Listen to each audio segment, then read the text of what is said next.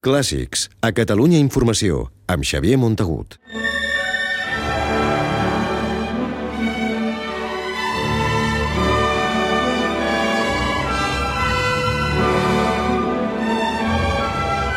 Aquesta setmana han passat per Barcelona dues figures importants del món de la música clàssica convidades pel cicle Ibercàmera. D'una banda, el director italià Daniele Gatti, una de les millors batutes en aquests moments, amb l'Orquestra Nacional de França, de la qual és mestre titular, i de l'altra, la jove pianista xinesa Yuya Wang, la nova estrella del piano que segueix els passos del mediàtic Lang Lang. Comencem pel mestre italià. Daniele Gatti va afrontar el repte de dirigir aquesta peça commovedora, la novena de Mahler.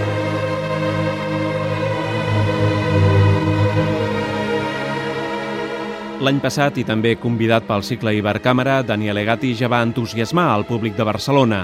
Ara hi ha tornat i amb una obra difícil i complicada d'interpretar. Una peça d'una força notable. El director italià, que és un gran expert en Mahler, va saber transmetre amb molta expressivitat els contrastos d'aquesta sinfonia, plena de dolor i desesperança que presagia la mort. De fet, el compositor austríac, ja malalt, no la va poder arribar a escoltar quan es va estrenar al 1912. I d'aquesta obra immensa, la novena de Mahler, que Gatti va dirigir de memòria a la delicadesa de la nova estrella xinesa del piano, la jove Yu Wang. Amb només 25 anys, Yu Wang ja ha fet una carrera meteòrica semblant a la dels pianistes consagrats com Lang Lang o Yun Dili, també xinesos.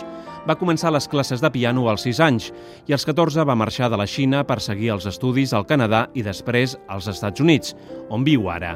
És reconeguda internacionalment per la seva impressionant manera de tocar, capaç de superar les exigències més extremes del repertori, tal com va demostrar aquesta setmana en el seu debut exitós a Barcelona.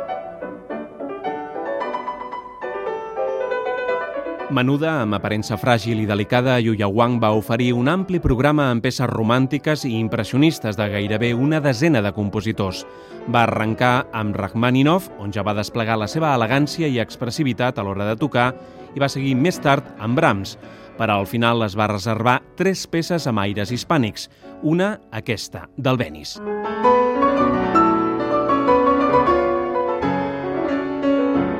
Estriana del segle Ibèria, l'esclat de virtuosisme va arribar amb l'última peça programada, aquesta melodia de Carmen, de Bizet.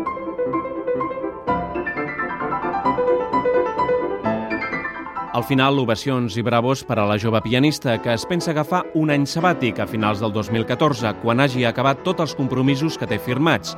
Un any diu per no fer res, ni soducus, i especula si passar-lo a Barcelona, que ja coneix, va ser-hi de vacances, una de les seves ciutats preferides, confessa.